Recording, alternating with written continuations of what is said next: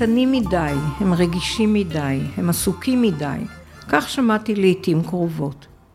כך אמרו אלה שחשבו שהם מגוננים על ילדים, נכדים, חברים ושכנים.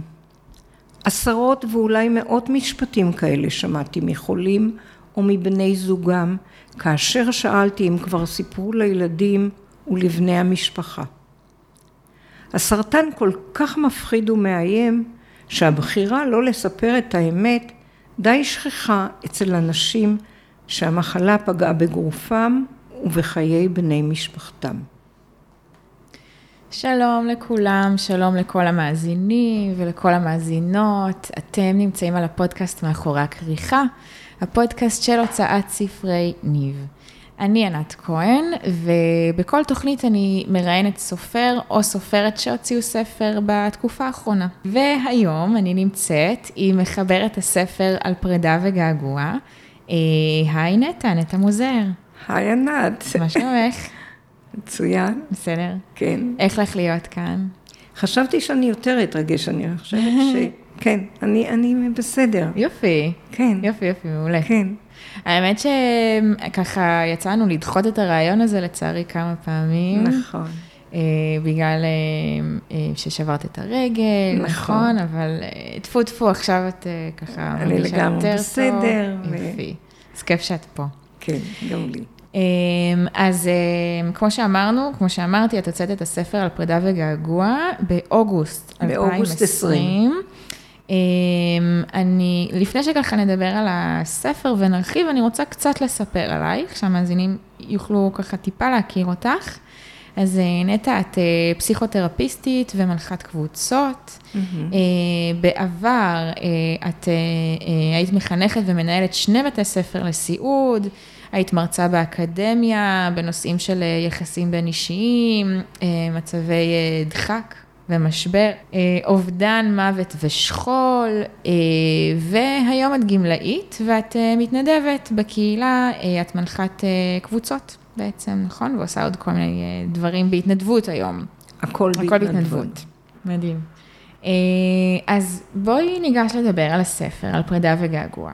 אז אה, בעצם בואי, בואי ספרי על הספר ככה, במה הוא עוסק.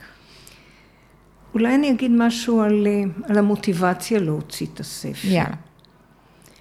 אה, אני כותבת כבר כמה שנים בסדנאות כתיבה וכולי, ובכלל זה לא היה בראש שלי להוציא ספר. מהמם. ובסדנת כתיבה, בשלוש שנים האחרונות, שנתיים האחרונות, לפני הקורונה. מהמם. אני אני מרגיש כאילו זה היה לפני נצח. נכון. אז אה, כתבתי הרבה סיפורים, כל, כל נושא ש, שנתנו, איכשהו זה התקשר לי לסיפור של הקבוצות, של האנשים בקבוצות. וקיבלתי המון ככה, רק בואי, אולי נגיד איזה קבוצות, על איזה קבוצות מדובר. מדובר על קבוצות תמיכה לחולים עם סרטן. בשלב מסוים שהנחיתי בחוסן, חוסן זו הייתה עמותה ארצית שנסגרה מחוסר תקציבים ב-2012. זה היה אה, חולים עם סרטן ובני משפחה. ובאמת היו ילדים, והור... אה, ילדים אני מתכוונת מבוגרים, ובני זוג. מהמם. זאת אומרת, בספר יש כמה סיפורים על החולים ובני הזוג שלהם, מהמם. בני ובנות הזוג. אה, כשחוזן נסגרה, אז אה, עמותת אחת מתשע ביקשה אותי להנחות. עמותה מאוד ותיקה וכולי, אבל כן. שמה זה רק נשים עם סרטן שד, לא משפחות. כן. אוקיי. אז אה, אלה הקבוצות. אוקיי. ב-30 שנה אני כבר מנחה מהמם. קבוצות כאלה. אז בעצם אמרת שהתחלת לכתוב אה, על סיפ- סיפורים, על דברים שעלו מתוך הקבוצות. כן, ו... וככל שיותר כתבתי על אנשים, הרגשתי שאני נותנת להם איזשהו say, איזושהי אמירה, מפני שבאמת, גם אם חלק מהאנשים, מהסיפורים שכתובים בספר, האנשים נפטרו, הם עדיין עשו דרך מאוד מאוד משמעותית בתוך הקבוצה.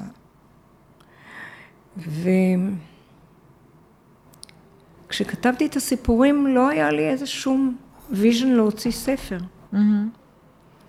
אבל איכשהו פתאום הצטבר חומר. והרגשתי שלכבודם, לזכותם, mm. לתת להם באמת אה, מקום. ואני חושבת שכל אחד מהם באמת הוא סיפור יוצא דופן בעיניי.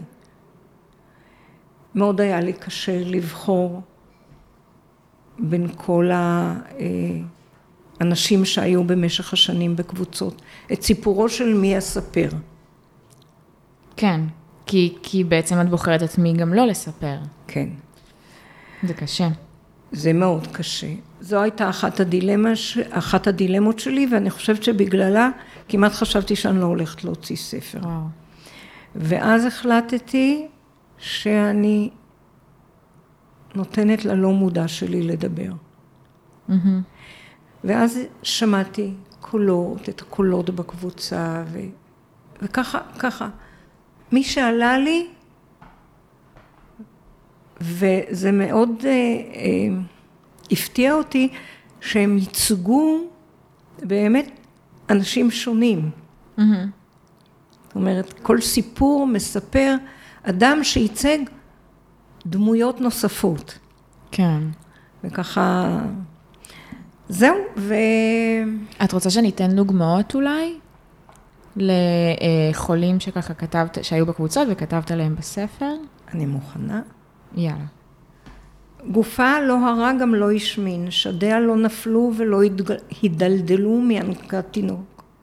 כפות ידיה לא נסדקו וזרועותיה נשארו מוצקות. ציפורניה לא נשברו ואורה לא הוכתם. אתלטית הייתה, שותפה בנבחרת ישראל ואת ריקוד החיים שלה רקדה בלהקת מחול. גם בבגרותה המאוחרת אהבה את שעשתה ולא הביעה צער על שלא הקימה משפחה ולא ילדה ילדים. תמימה הייתה וכאילו לא נוגעה בקשיי החיים ולא נפלה במהמורותיהם. חיה את חייה תוך שמירה על יפי נעוריה וכוחה עד ש... בבוקר ההוא התעוררה משנתה ולא הצליחה לקום מהמיטה. בבדיקות הסתבר שחלתה בלאוקמיה. באין לה משפחה קרובה משלה, נזכרה באחותה. בשר מבשרה. שתיהן כמעט חצו את גיל השבעים, אך הקשרים ביניהם היו רופפים עד חסרים. האחות שהיו לה ילדים והנכדים הגיעה לקבוצה כי רצתה לעזור לאחותה ולא ידעה כיצד. היא לא ידעה איך משוחחים עם אחות שאיתה כמעט לא דיברה שנים רבות ובוודאי שלא ידעה כיצד מדברים איתה על סרטן. היא לא ידעה איך לעזור לה, איך לקרבה, איך לתת לה תחושת שייכות למשפחה ואיך לקרב את הנכדים שלה אל אחותה מבלי לעורר את פחדיהם מהמחלה. תחושת זרות עפפה אותה.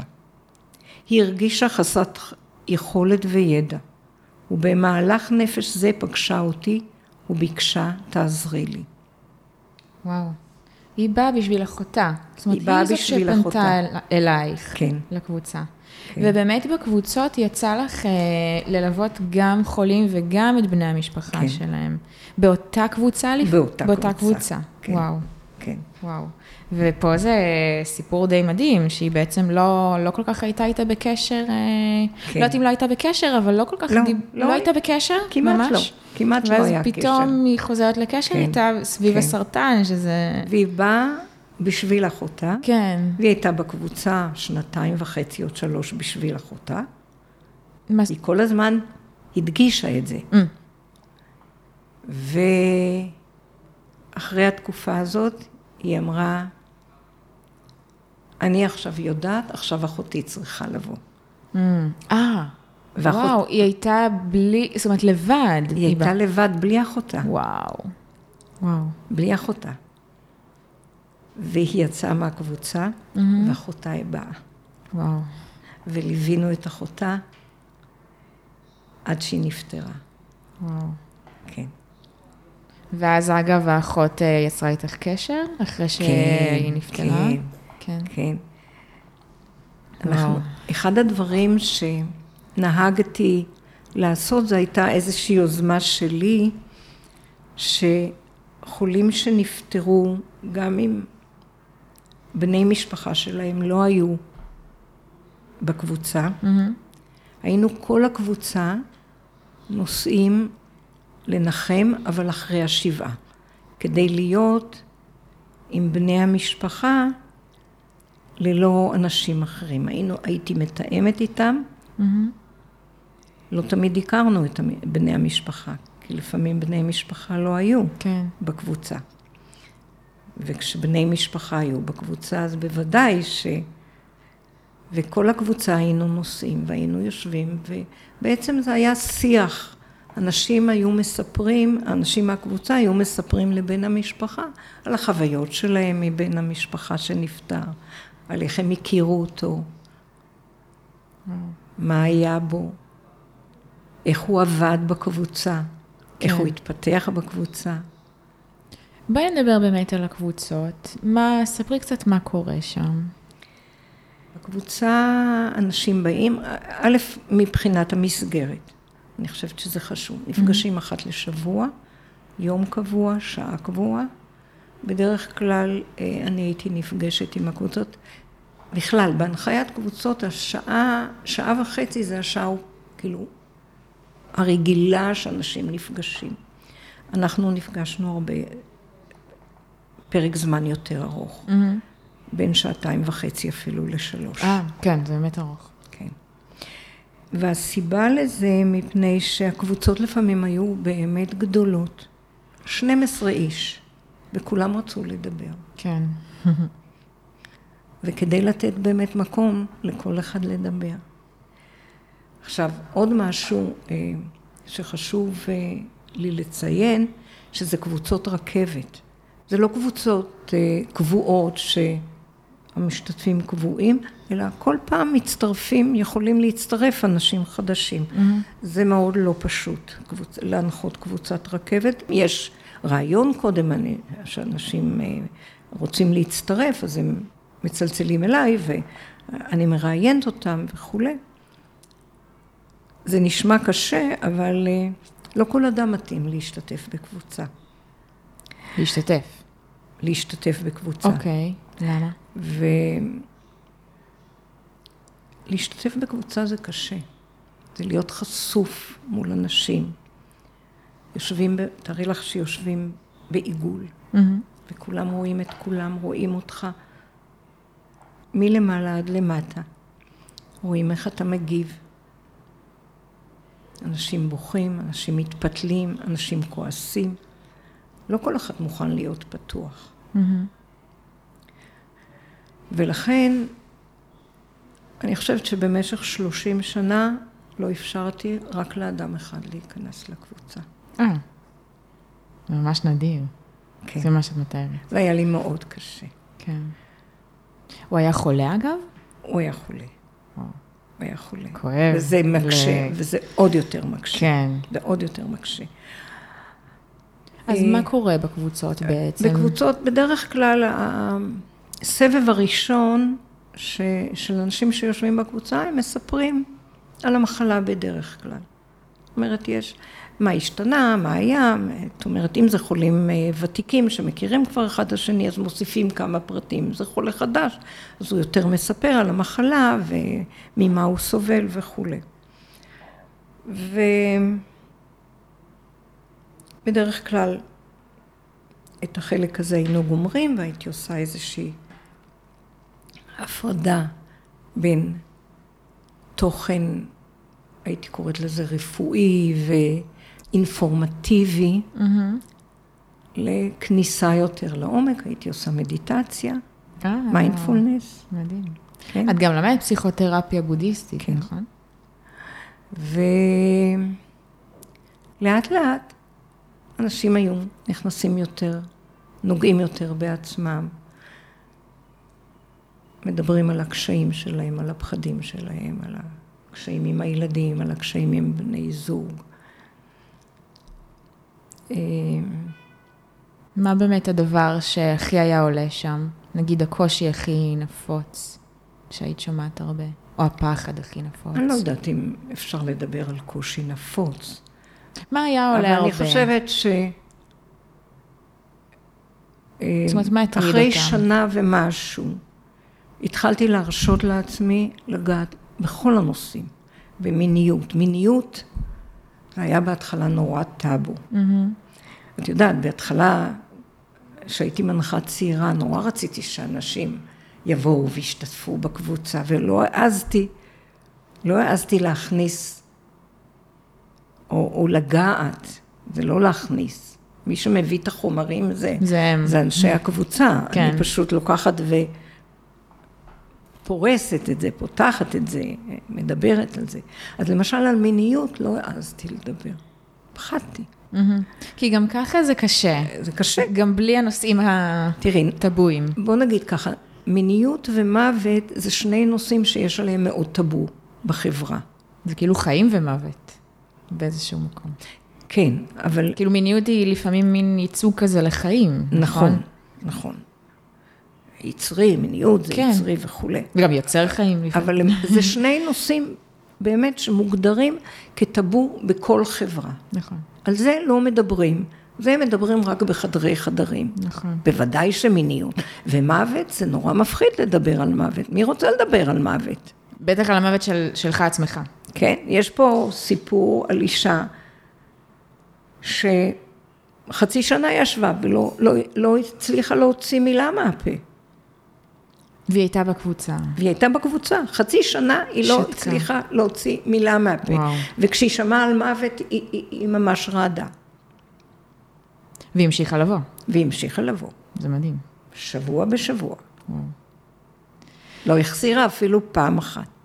עכשיו, מיניות, זה נוגע בכל אחד, ישר זה מהדהד למקומות הפרטיים של האנשים, מהמם. וזה נורא קשה.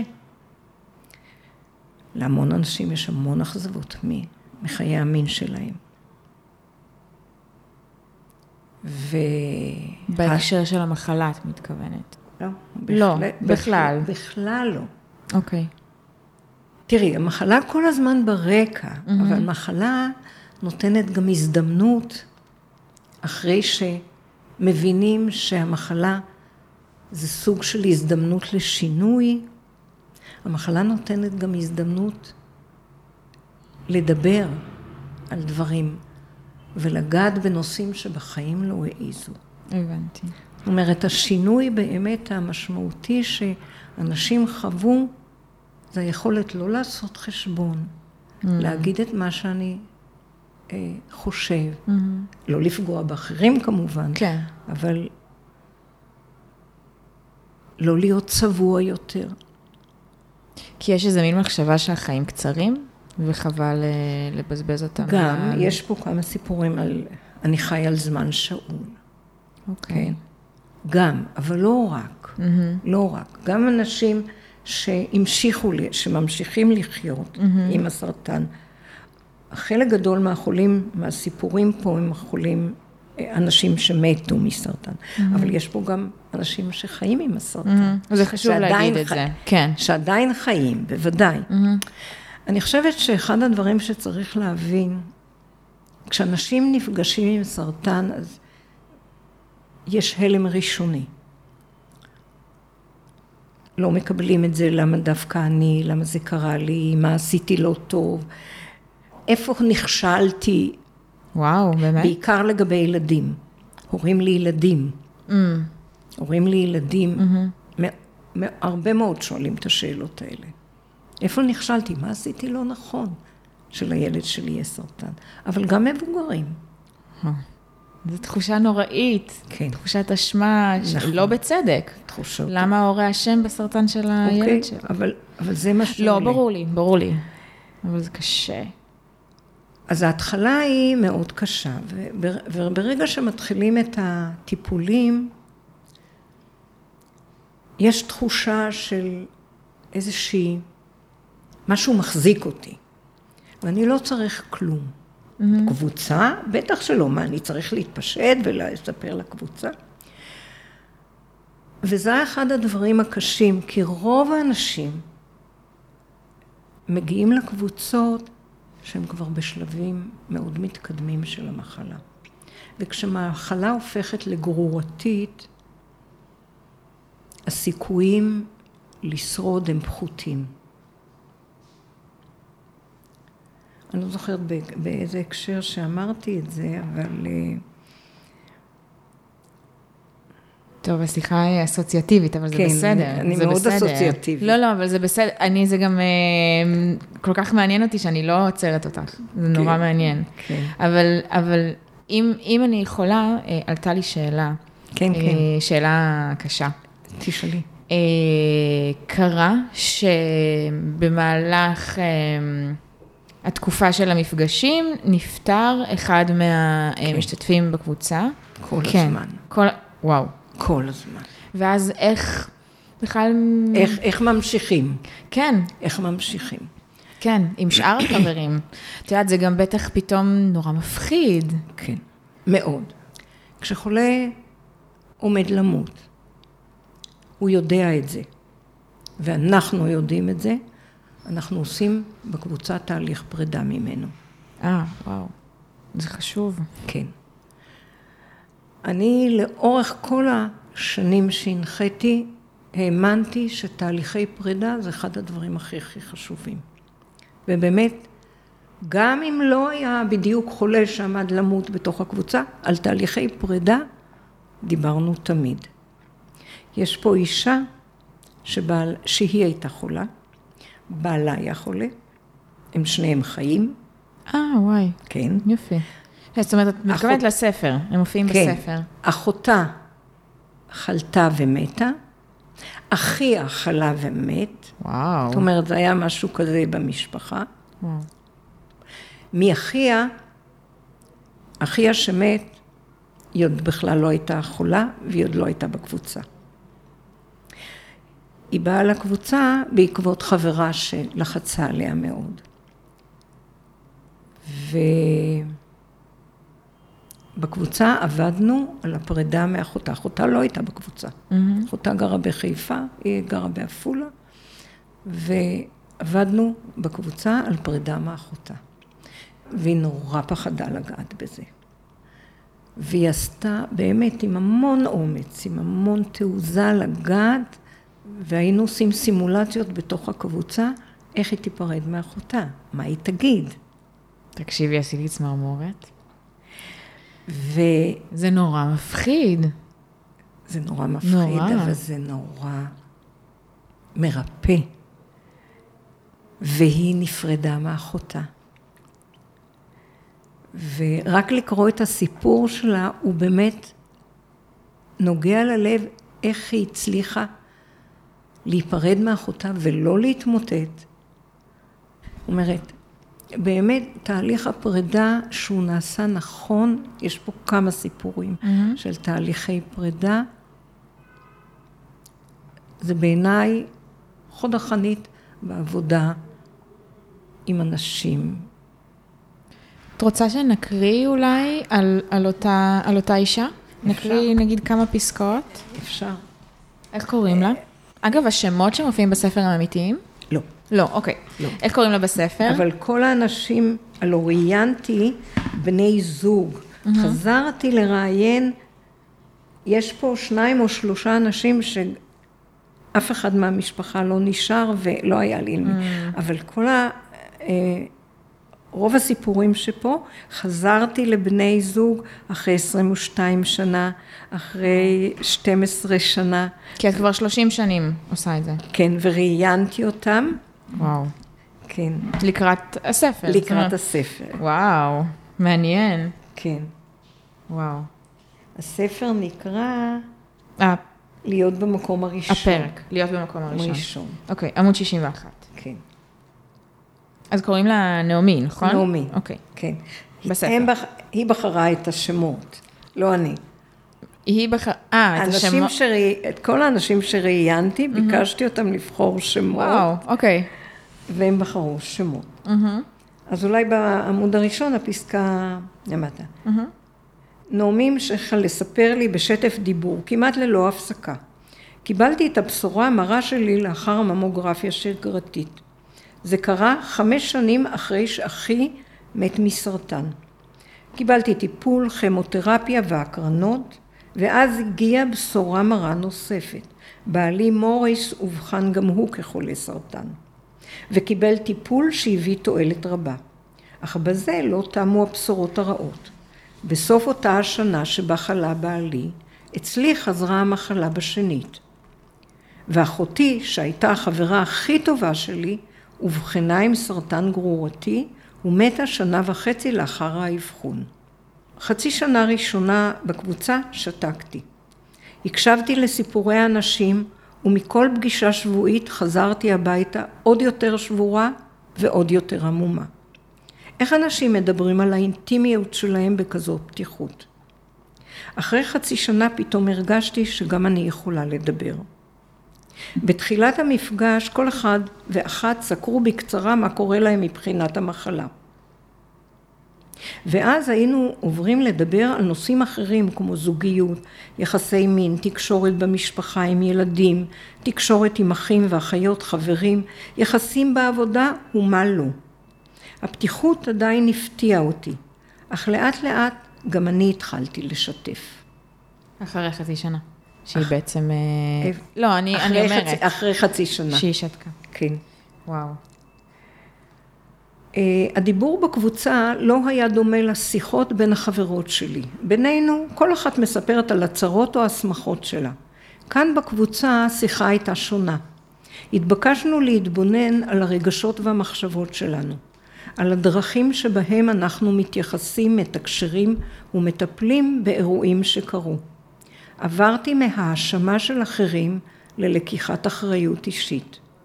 בחנתי מה היה חלקי במצב שנוצר. למדתי להקשיב לדוברים בקבוצה בלי לתת עצות ופתרונות אוטומטיים כפי שאני וחברותיי נוהגים.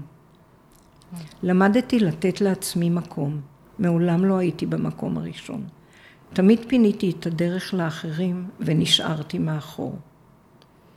וואו, איזה תהליך היא עברה כן. בקבוצה, מטורף. אה, אני רוצה לשאול אותך, אה, דיברנו על זה קצת לפני שהתחלנו את ההקלטה. איך בעצם הגעת לתחום הזה של סרטן? זאת אומרת, מה, מה שם אה, משך אותך? מה קרה לך? קרה באלף. א', מה שקרה באלף זה הצוואה שהשאיר לי אדם עם סרטן כשהייתי בת עשרים. Mm-hmm. חמש שנים לא ידעתי מה לעשות עם הצוואה הזאת שהוא השאיר לי. ומה זאת אותה צוואה בעצם? הצוואה מי זה הבן אדם הזה?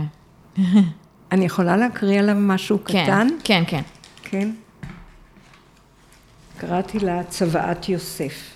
Mm-hmm. יוסף הוא השם האמיתי היחיד, כיוון שזה היה לפני 60 שנה. אה. הוא השם היחיד האמיתי, ולא יכולתי לשנות אותו. Mm-hmm. מה כבר אמרתי? רק שיהיה טוב? את באמת מאמינה שיהיה איתי טוב? מה זה המשפט הזה, מה שכולכם כל הזמן אומרים? אני מרגיש שהמילים האלה פותרות אתכם מלהגיד לחולה מה באמת מצבו ומה יהיה עליו. המשפט הזה מרחיק, הוא לא אמיתי, הוא לא מאפשר ליצור קשר. לך לא מתאים להגיד משפט כזה. את שונה, את מבינה, את אחרת. יום אחד באתי ליוסף ואמרתי, באתי. הוא אמר שבי. שאל לשלומי ואמר, תראי נטע, אני לא אהיה החולה האחרון שימות מסרטן. אני מאמין שלך יש יכולת ללוות חולים כמוני. יש לך את זה. אך את חייבת ללמוד איך לא להגיד יהיה בסדר. הייתי רק בת עשרים אז. את צריכה ללמוד איך לדבר עם חולה סרטן. את צריכה ללמוד איך להתייחס לאדם שחי על זמן שאול, ואיך לא לברוח מהחולים, כמו שכולם עושים פה. לדעתי את יכולה. מאותו יום ובמשך כשלושה שבועות קיבלתי מיוסף פרק בתורה כל כך סבוכה וכל כך מאתגרת, שלימים נתתי לה שם לגעת במוות ולהישאר בחיים. והכנסתי אותה לתוכנית הלימודים. ואחר כך באמת לימדתי את הנושא במשך שנים, בקורסים באונקולוגיה ובכל מיני תחומים. מדהים. הייתי תלמידה טובה וממושמעת. מדי יום התייצבתי בסיום העבודה לשיעור על חיים ומוות. מדי יום שאלתי את עצמי איזו מין צוואה יוסף מפקיד בידיי. למה דווקא אני? מה אעשה עם כל התורה הזו? בימים ההם, אז בחדר ההוא, במחלקה הפנימית, נראה שלא הבנתי כלל לאן תוביל אותי הדרך שהתווה יוסף. כי בעצם חמש שנים לא ידעת מה לעשות עם לא, זה, כמו שאמרת. לא. הרגשתי שמשהו בוער בי, אבל באמת לא היה לי שום מושג לאן זה ילך. ואחרי חמש שנים פתאום זה פרץ החוצה. א', הרגשתי מחויבות. לצבא, לקיים כן. את הצבא. הרגשתי מחויבות. אגב, את אותו יוסף את פגשת ב... איפה פגשת אותו? בבית חולים במחלקה פנימית. אוקיי, כשעבדת שם? הייתי תלמידה. תלמידה, בבית ספר לסיעוד. ממש בסוף, בסוף הלימודים. אוקיי. והצלחת ככה לגעת בו. הוא לחץ לי את היד ממש לפני שהוא מת, ואמר, בזכותך אני מת בשלווה. וואו, וואו. וגם את זה לא הבנתי. כי באמת, אף אחד. חולים עם סרטן זה היה טאבו. כולם ברחו מהם, נורא פחדו. אנחנו מדברות על לפני 61 שנים. כן. תקופה אחרת. כש, כשחולה היה שואל את הרופאים, אפילו את הרופאים, מה זה אפילו את הרופאים? בעיקר את הרופאים. מה יהיה איתי? יהיה טוב. זאת הייתה התשובה. וכששמעתי שכולם אומרים את זה, אז גם אני שמע, אז גם אני אמרתי. כן. ואיכשהו זיהה אותי, אני מודה לו. אני באמת חושבת שהוא פתח לפניי, הוא נתן לי וואו. חיים. כן? כן. וואו, כן, בפירוש נתן לי חיים. מדהים. אני יכולה להגיד ב... ב... בהתרגשות ובשמחה, שמיום שהתחלתי לעבוד עם חולים עם סרטן, מיום שהתחלתי להנחות קבוצות, מיום שהגעתי לעצמי, חיי, איכות חיי עלתה מאוד. וואו. כן. כי יש יותר סיפוק, יותר משמעות. יש סיפוק, אבל לא רק. אוקיי. אני חושבת שאחת התובנות הגדולות שלי הייתה שאם ניתנו לנו חיים, חשוב לחיות אותם. Hmm. אמ, אני רוצה לשאול באופן כללי על, אה, אני ככה תמיד שואלת על אה, תגובות שקיבלת על הספר, וספציפית מעניין אותי גם מאנשים, נגיד, שכתובים, שכתוב עליהם בספר, או על המשפחות של אנשים שכתוב עליהם, אם יצא להם לקרוא את הספר, ומה הם אמרו לך. כל מי שכתוב פה, אני נסעתי אליו אחרי שהספר יצא, כתבתי הקדשה Mm, ונתתי את הספר. לכולם, לבני המשפחה. והם בטח מאוד התרגשו. מאוד. מה הם אמרו לך, אחרי שהם אה, קראו? אני אתאר אולי מפגש שעשיתי אצלי בבית. כשהגעתי עם הספר, עם ה- עם 400 ספרים, הייתי נורא בהיי. החלטתי שאני עושה אצלי בבית מפגש של שלוש משפחות. והזמנתי אותם. תראי, כולם היו, ידעו שהספר בתהליכים וזה, וכל פעם. יש מישהי שהייתה המון שנים בקבוצה, והיא נפטרה עשרה ימים לפני שהבאתי את הספרים. אוי. וכשבאתי להיפרד ממנה בבית חולים, המשפחה הודיעה לי שהיא, שהיא בבית חולים, באתי להיפרד. דבר ראשון, היא אמרה לי, נטע, הספר כבר יצא? Hmm. כולם ידעו שהספר אמור לצאת. אני ראיינתי אותם, אנשים השתתפו בחוויה, וזה באמת היה מאוד מרגש. ואז החלטתי שאת המשפחה שלה הזמנתי את שתי אחיות שלה ואת אחותה. היא נפטרה ממש לפני שהבאתי את הספרים. מהמם. את אה, נעמי, ש... אה, שהקראת עליהם קודם. זאת שהייתה, ב... אמרה שלהיות במקום הראשון, הזמנתי אותה, היא באה עם שתי נכדות, mm. ואת זהבה, בעלה מוריס נפטר. היא הייתה שבע שנים בקבוצה, הוא היה ארבע שנים בקבוצה, המשיכה גם לקבוצה, אחרי שהוא נפטר היא המשיכה עוד שלוש שנים להיות בקבוצה, mm-hmm. וכשהיא הרגישה שהיא מספיק חזקה, היא קמה ועזבה. Mm-hmm. והזמנתי את שלושתם, ועשינו טקס, וקראנו על כל אחד, קראנו גם קצת מהספר, גם כתבתי על כל אחד משהו. אז לכולם נסעתי ונתתי את הספרים, וזה היה מאוד מרגש. ואיזה תגובות באמת ככה קיבלת לספר? תראי, אתמול דיברה איתי, אתמול דיברה איתי אישה, היא היום בת 92.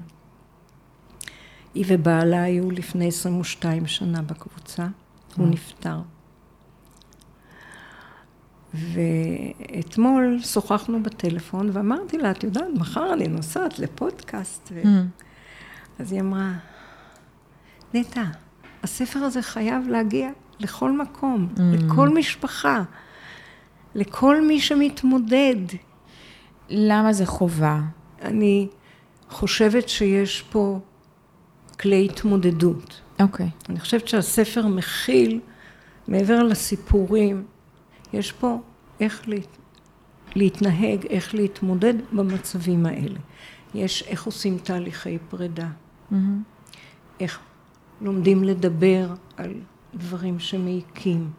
זאת אומרת, יש פה איזשהו סוג של מדריך. אני בפירוש רציתי להביא סיפורים ולא רציתי לעשות מזה לא ספר מדעי ולא ספר אה, רפואי ולא ספר עם עצות מקצועיות ולהביא רפרנס, זו לא הייתה הכוונה. לא, הכוונה, זה הכל דרך הסיפורים. הכוונה הייתה להביא את האנשים. Mm-hmm.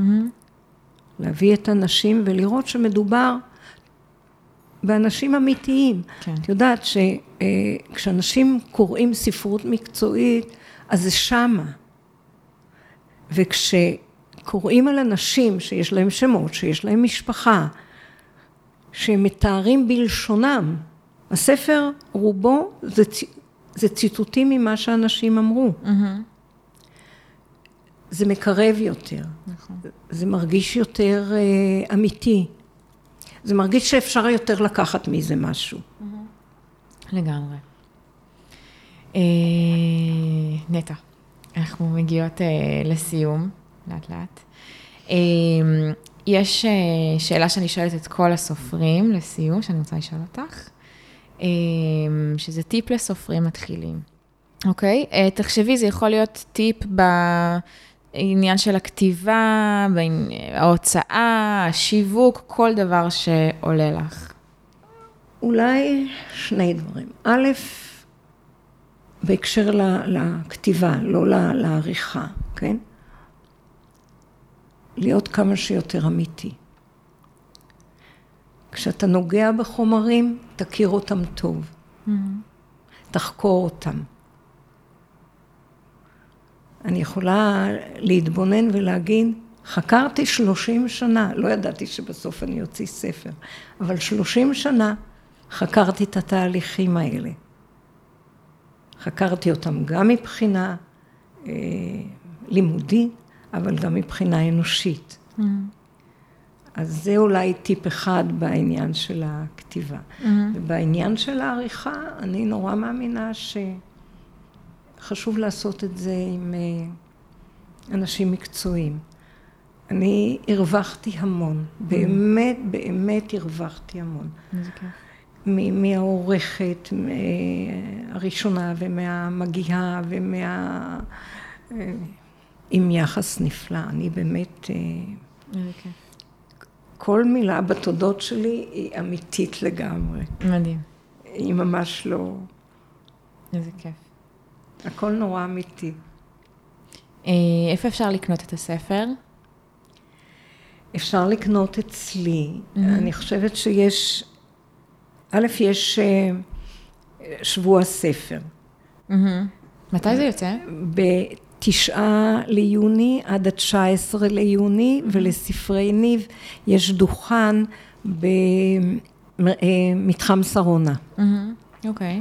אז גם הספר שלי יהיה שם. אוקיי. ואם אפשר, האמת היא שלא נתתי פרטים, בואי תתני. כן? כן. מה, אז תכתבי את המייל כן, שלי? כן. יופי. את יודעת מה? אז פשוט נצרף. נצרף את המייל והטלפון שלך. תצרפי את בסדר? המייל ואת הטלפון שלי, כן. ואני אשמח שאנשים אה, יפנו. אוקיי, מעולה, בסדר. אז אה, נטע, איזה כיף היה. היה כל כך מעניין, תודה רבה. כן? מקווה, כן, מקווה שגם לך, איך היה לך? נהדר. כן? כן.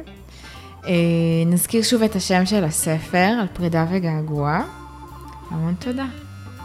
תודה לך. ביי ביי.